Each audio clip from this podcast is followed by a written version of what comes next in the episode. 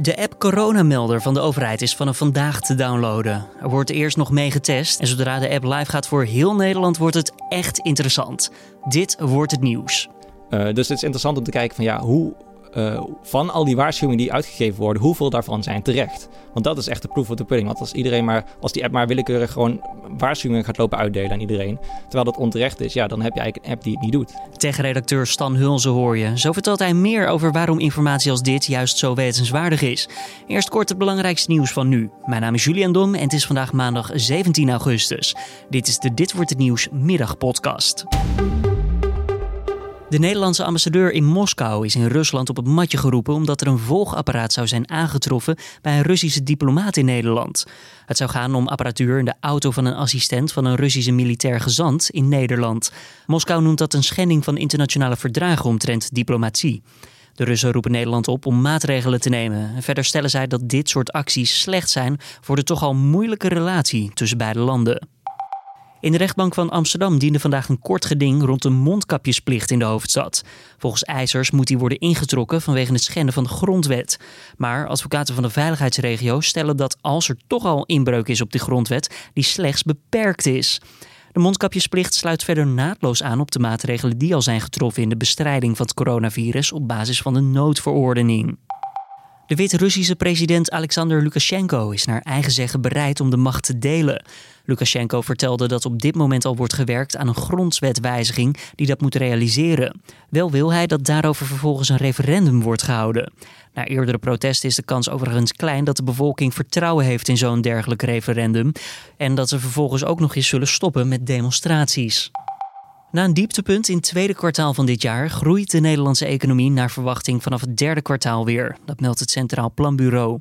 Wel is er waarschijnlijk over het gehele jaar nog sprake van een krimp van ongeveer 5% De werkloosheid loopt volgend jaar op richting de 7% In deze voorspelling gaat het CPB ervan uit dat verschillende steunmaatregelen van de overheid in oktober aflopen.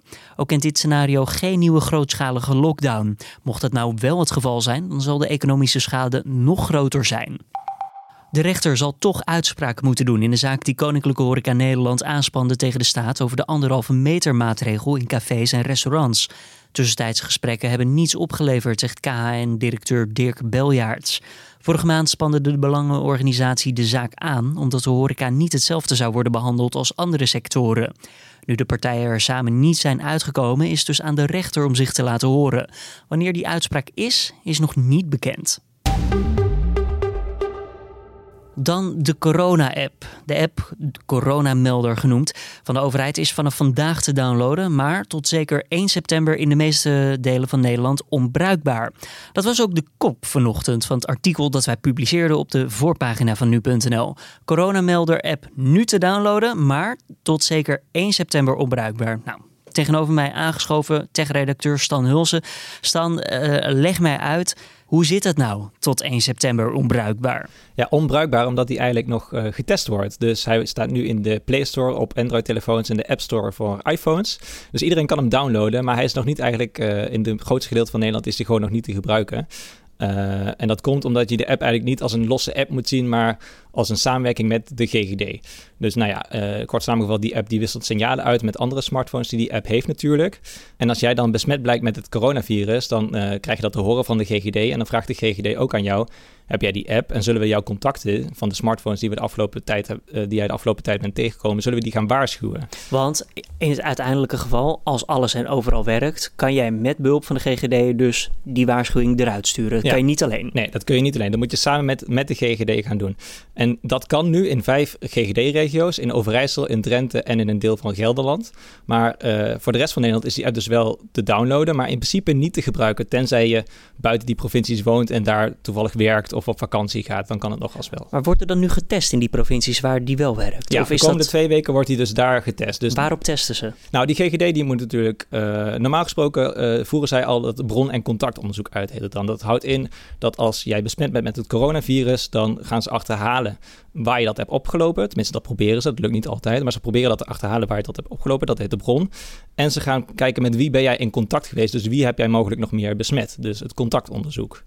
Um, als jij naar een verjaardag bent geweest of uh, naar je kantoor gaat of naar uh, een familiefeestje, dan weet jij wie daar ongeveer meestal waren. Dus die kun je dan aanwijzen. En dat zijn zaken die je onthoudt van daar ben ik naartoe geweest. Maar sta je even te tanken bij het tankstation, ja. ik noem maar wat, dat vergeet je, je misschien. Trein, of met, met het openbaar vervoer. Mensen die je loop niet jij kent. door de stad, zit je op het terras, dan, ga je niet, dan weet jij niet wie er allemaal om jou heen zitten. En voor die personen is die app eigenlijk bedoeld. Dus jij zit dan op het terras op een stoeltje, Bluetooth staat aan, die signalen worden met andere appgebruikers uitgewisseld en zo ontstaat een soort van anoniem logboek van jouw nauwe contacten. Want in principe, als jij dan daar zit en je bent besmet en je bent besmettelijk, dus je kunt het virus overdragen, dan lopen die andere mensen risico. En die mensen, ja, die, je weet niet wie dat zijn, maar je kan hen via de GGD dus wel uh, waarschuwen uiteindelijk. Vanaf 1 september moet deze app dan ook in de andere provincies in Nederland werken. Maar dat betekent niet dat er nog heel veel tijd is om te testen. Oftewel, gaan ze dit redden? Ja, inderdaad, 1 september, dan moet de app landelijk beschikbaar worden. Dus waar je dan ook bent, als je besmet blijkt met het coronavirus, kun je dan bij de GGD aankloppen en zeggen: Ik wil mijn andere contacten waarschuwen. Uh, maar goed, er is natuurlijk al een heel traject aan voorgegaan. Hè? Dus technisch gezien werkt die app ook gewoon. Uh, wat er nu getest gaat worden is uh, wat verandert er voor de GGD's? Nou, uh, als jij besmet blijkt met het coronavirus, dan ben jij natuurlijk al in contact met de GGD, want je hebt een test gehad en uh, ze, ze, moeten jou contact met jou opnemen om dat te vertellen. en daarna gaan ze dat reguliere bron- en contactonderzoek uitvoeren. Dus waar heb je het opgelopen? Bij welke familiefeestjes heb je gehad? Ben je daar geweest? Enzovoort, enzovoort, enzovoort. Daarbovenop komt er dus een vraag: heb je de app? En zo ja, zullen we samen de mensen die in jouw logboekje van jouw telefoon staan gaan waarschuwen. En nogmaals, dat gebeurt dus anoniem. Hè? Je kan zelf als gebruiker niet zien in die app bij wie je bent geweest. Dat wordt opgeslagen dat zijn zonder dat je codes die, jij, die je verder niet kan achterhalen naar uh, wie, welke personen zijn dat of welke smartphones zijn. En ook, en ook voor de GGD is dat ook niet te achterhalen. Dus uh, de, uh, wat er dan gebeurt is, in jouw app heb jij een code. die geef jij door aan de GGD. en daarmee kan de GGD zeg maar de poort openzetten om andere mensen te waarschuwen. Dus jouw code komt dan op een server te staan. En andere smartphones die scannen om de zoveel tijd die server. En als er een match is van hey, ik, heb, uh, ik ben deze persoon tegengekomen met deze code. Uh, op de server staat ook die code. Er is een match, dan krijg je een waarschuwing. En die codes die veranderen ook om de zoveel tijd. Uh, dus het is, zo, niet zo dat jij uh, die ene code dan specifiek ook aan jou gekoppeld is. Nee, en het, voor de duidelijkheid nogmaals, het is dus ook absoluut niet zo dat jij een vreselijk geintje kan uithalen door even aan je vriend te laten weten: hé hey jongens, ik heb het, nu nee, hebben jullie het ook. Er zit een knop op die app, ik wil contacten waarschuwen, maar zonder dat de GGD die poort openzet, kun je, kun je daar eigenlijk niks mee. Dus je kan dat niet, je kan er niet honderd keer gaan lopen drukken en dan voor de grap iedereen gaan lopen waarschuwen. Stan als techredacteur, wat is voor jou nou de komende twee weken hartstikke interessant aan die testperiode van de GGD's en deze corona-app? Waar let jij vooral op? Ik vind het met name interessant uh, om te kijken welke bijdrage levert deze app nou daadwerkelijk. Um, dus uh, als er mensen binnenkomen bij de GGD uh, die een test laten uitvoeren en die blijken besmet te zijn, hoeveel daarvan uh, hebben die app? Hoeveel mensen worden er gewaarschuwd? Als er vervolgens mensen worden gewaarschuwd die zich ook laten testen, hoeveel daarvan blijkt dan dat, dat het coronavirus daadwerkelijk is overgedragen? Want je kan wel een waarschuwing krijgen, maar dat betekent niet dat jij het virus daadwerkelijk hebt. dus het is interessant om te kijken van ja, hoe uh, van al die waarschuwingen die uitgegeven worden, hoeveel daarvan zijn terecht? Want dat is echt de proof of the pudding. Want als iedereen maar, als die app maar willekeurig gewoon waarschuwingen gaat lopen uitdelen aan iedereen, terwijl dat onterecht is, ja, dan heb je eigenlijk een app die het niet dout. Wordt dit bijgehouden? Dat weet ik nog niet. Oftewel, dat is aan de GGD's om te kijken of voor jou om na te bellen. wel en... gaan, bij, uh, ja. gaan bijhouden. Um, ander ding, hoeveel mensen moeten deze app installeren, wilt nut hebben? Ja, het ministerie zegt, elk geval uh, wat we ermee opsporen is winst, hè? En dat is natuurlijk wel een beetje makkelijk, want die app heeft wel uh, wat geld gekost. En een Flink heel traject. wat, uh, ja. Dus, uh, dus dat is moeilijk te zeggen. Er gaat een getal rond, dat heeft minister De Jong ook een keer in de Tweede Kamer verteld, 60% Maar dat is eigenlijk ook een soort misvatting, want die 60% zou, dan zou de app als losstaande app zonder verder andere processen of iets dergelijks moeten, moeten gelden. Dus het, ja, ideaal wil je natuurlijk, als deze app nut heeft, dat iedereen hem installeert. maar ja, dat gaat belangrijk niet gebeuren waarschijnlijk. Uh, maar alles wat daar tussenin zit, dat is in principe ook winst. En ja, dan is de vraag eigenlijk waar, wanneer is er voldoende winst om de kosten die we gemaakt hebben en uh, alle moeite die we erin hebben gestoken uh, met publiekscampagnes en de testen. En, en dan praten we over maanden, slash misschien wel jaren, dat we weten of dit een succes is geweest. Ja, hangt er natuurlijk ook echt af van hoe, hoe lang het nog duurt voordat deze epidemie voortduurt. Als er binnenkort in het voorjaar een vaccin is en iedereen kan binnen no time ingeënt worden, ja, dan heeft de app vanaf dat moment heel, heel weinig nut. Nou heb ik de app gedownload, Stan. Uh, ik open hem hier, coronamelder op mijn telefoon. En ik, het eerste wat ik zie, we zitten hier in Hoofddorp, oftewel Noord-Holland. Een hele grote groene ronde cirkel met daarin een vinkje. Deze app is actief. Ook als je de app sluit, blijft coronamelder actief. Maar hij werkt toch niet hier? Hij werkt technisch gezien wel. Dus dat logboek, wat ik net vertelde, ik heb mijn app ook op mijn telefoon. Wij zitten nu redelijk dicht bij elkaar. Wij wisselen nu signalen uit. Ja. Dus wij bouwen al een logboekje op van personen dat wij bij elkaar in de buurt zijn geweest. Maar als, nou ja, jij woont niet in Gelderland of in Trent of in Overijssel. Ik jij ook, niet. Dus uh, wij, uh, wij kunnen er eigenlijk niks mee. Als een van ons nu besmet bent met het coronavirus en wij zeggen, hey, ik heb de app, ik wil met mijn contacten waarschuwen. Dan zegt de GGD uh, van onze woonplaats, die zegt, ja, sorry, maar wij doen nu nog niet mee met die proef. Dus technisch gezien werkt die. Het logboek wordt opgebouwd en dat, dat blijft ook twee weken bewaard. Dus je begint al met opbouwen. En als hij, uh, stel dat hij op 1 september daadwerkelijk live gaat en je blijkt dan besmet en je gaat naar je lokale GGD. Dan neemt hij die laatste twee weken van augustus mee. Toch ook al mee. Ook al heb je de komende twee weken eigenlijk praktisch gezien heel weinig aan.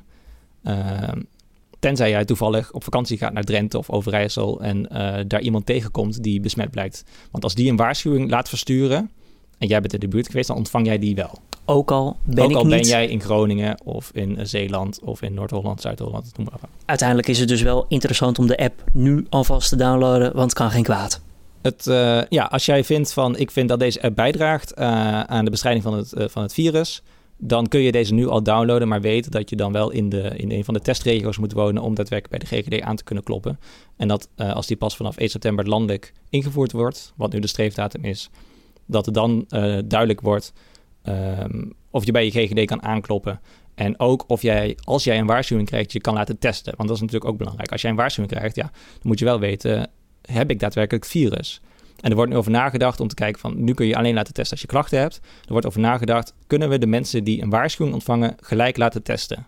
Zodat, als zij een waarschuwing hebben, zij uitsluiting krijgen of zij het virus daadwerkelijk hebben of niet. Stan Hulsen, tech-redacteur hier bij nu.nl. Dankjewel voor de toelichting. Verder hebben we ook een stuk, een artikel op nu.nl... waarin we vertellen dat het kabinet misbruik van de coronamelder-app zal straffen. Dat zal gebeuren met een boete van 8000 euro of een celstraf van een half jaar. Nou, wat valt er nou onder misbruik? Nou, dat is bijvoorbeeld dat een restaurant of café gasten aan de deur vraagt... om de app te laten zien voordat zij naar binnen mogen. Dat mag dus niet. Wil je er meer over lezen? Check dan eventjes de nu.nl-app of ga naar de website. Het weer nog eventjes. Nou, vanavond en vannacht zal het opklaren langs de kust. Al is er nog wel kans op een kleine bui. Het koelt vannacht af naar zo'n 14 tot 18 graden. Morgen dan periode van zon afgewisseld met stapelwolken. Smiddags weer kans op buien met onweer. En de temperatuur die ligt dan dinsdagmiddag dus tussen de 21 en 24 graden. Om af te sluiten, in navolging van vele andere toppers heeft ook Simona Halep zich maandag afgemeld voor de US Open. De nummer 2 van de wereld in tennis wil vanwege de coronapandemie niet naar New York afreizen. Na week en wegen zegt Halep haar gezondheid voorop te zetten en in Europa te blijven. Ze zal zich nu verder voorbereiden op Roland Garros dat vanaf 20 september begint. En dit was dan de Dit Wordt Het Nieuws middagpodcast van deze maandagmiddag, de 17e van augustus. Tips of feedback, stuur het naar ons toe. Dat kan via podcast.nu.nl. Mijn naam is Julian Dom. Ik wens je voor dan voor nu een hele fijne maandagmiddag en avond. En tot morgenochtend weer, want om 6 uur ochtends zijn we er met de Dit Wordt Het Nieuws ochtendpodcast.